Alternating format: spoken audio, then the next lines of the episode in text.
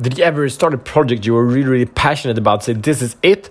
For after you know a week or a month or a year or two years, feeling like, oh shit, that was not it, and being really confused and frustrated uh, about that.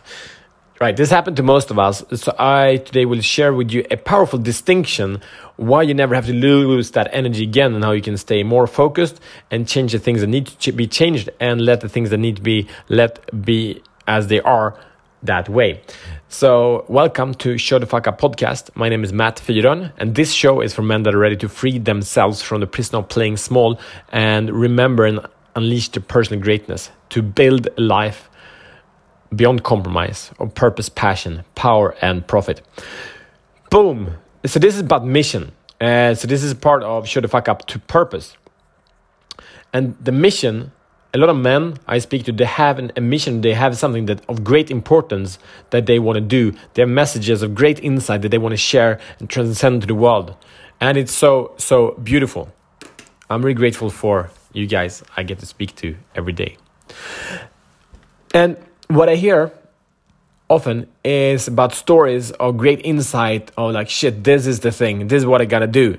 Um, and then getting the project started, and then after a while, things are not turning out as they hope for, and then this ending up closing project or going in back in, in hibernation to to ponder what was wrong or why it didn't work or what's a new thing.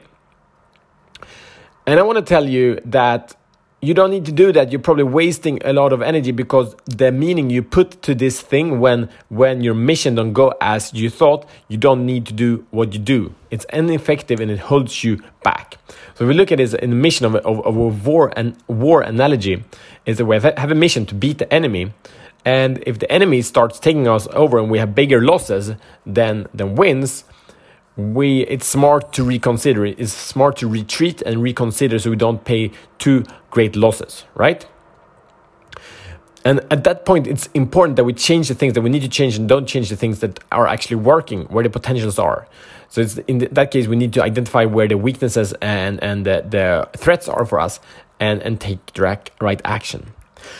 And because of a lack of understanding what a mission is most people most guys do it in the wrong way because this moment of what to do who is the enemy who's the inner demon i'm fighting who's the outer uh, villain that i'm fighting when when we have that identified that's something that doesn't even happen to every man during a lifetime.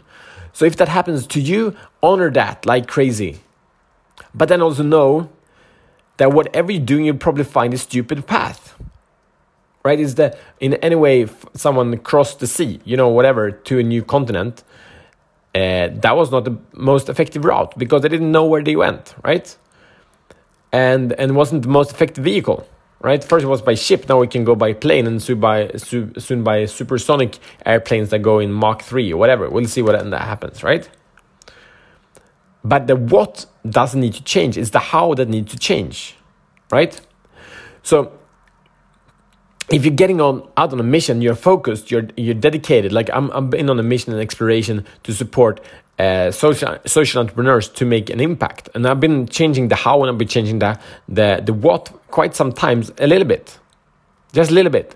And because of I know I've been on the same path all the time, I've been on the right path all the time, and I'm I'm just changing the the, the angles a little bit. I don't lose uh, power or force as much as I see many other men do around me. So it's the expression. What is the expression you do? I, I have a conversation with, with, a, with a close friend who is a coach, and he's like a super insightful, amazing leader. And he is doing a really slow turnaround because he has so much doubt in his process. He has so much doubt in his what. But actually, he's been on the right uh, target for years. But he doesn't trust it because of the lack of response that he have received. So would we would be expecting this lack of response and celebrate the lack of response as something that's obvious, and we need to quick as fuck change the how, change the expression, change the communication around the what we are doing.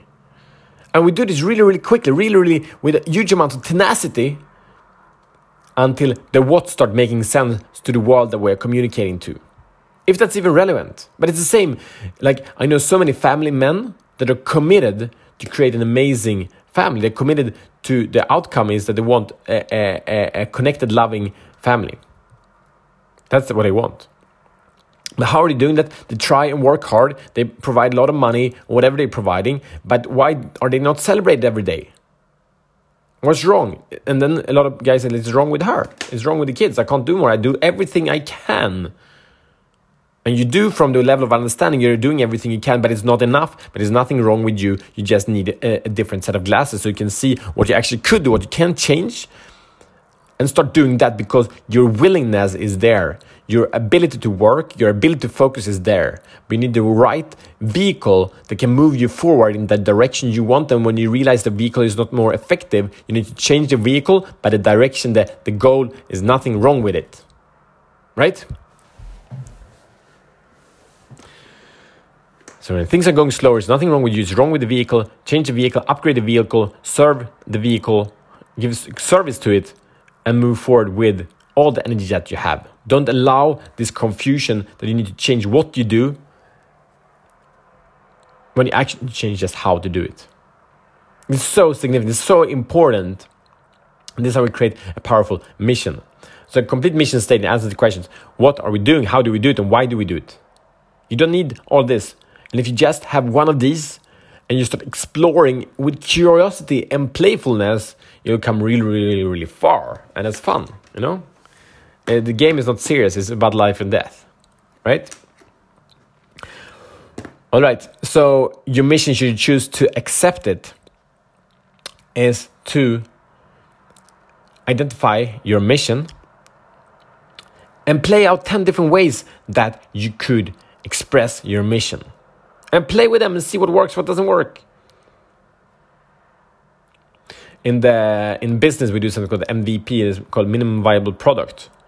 And um, most people fuck this up big time because they make it so complicated and take a month until launch instead of launching you know within two hours and start offering people and see how people respond. And that's the way to go. I know you have a friend uh, a man a brother in your life that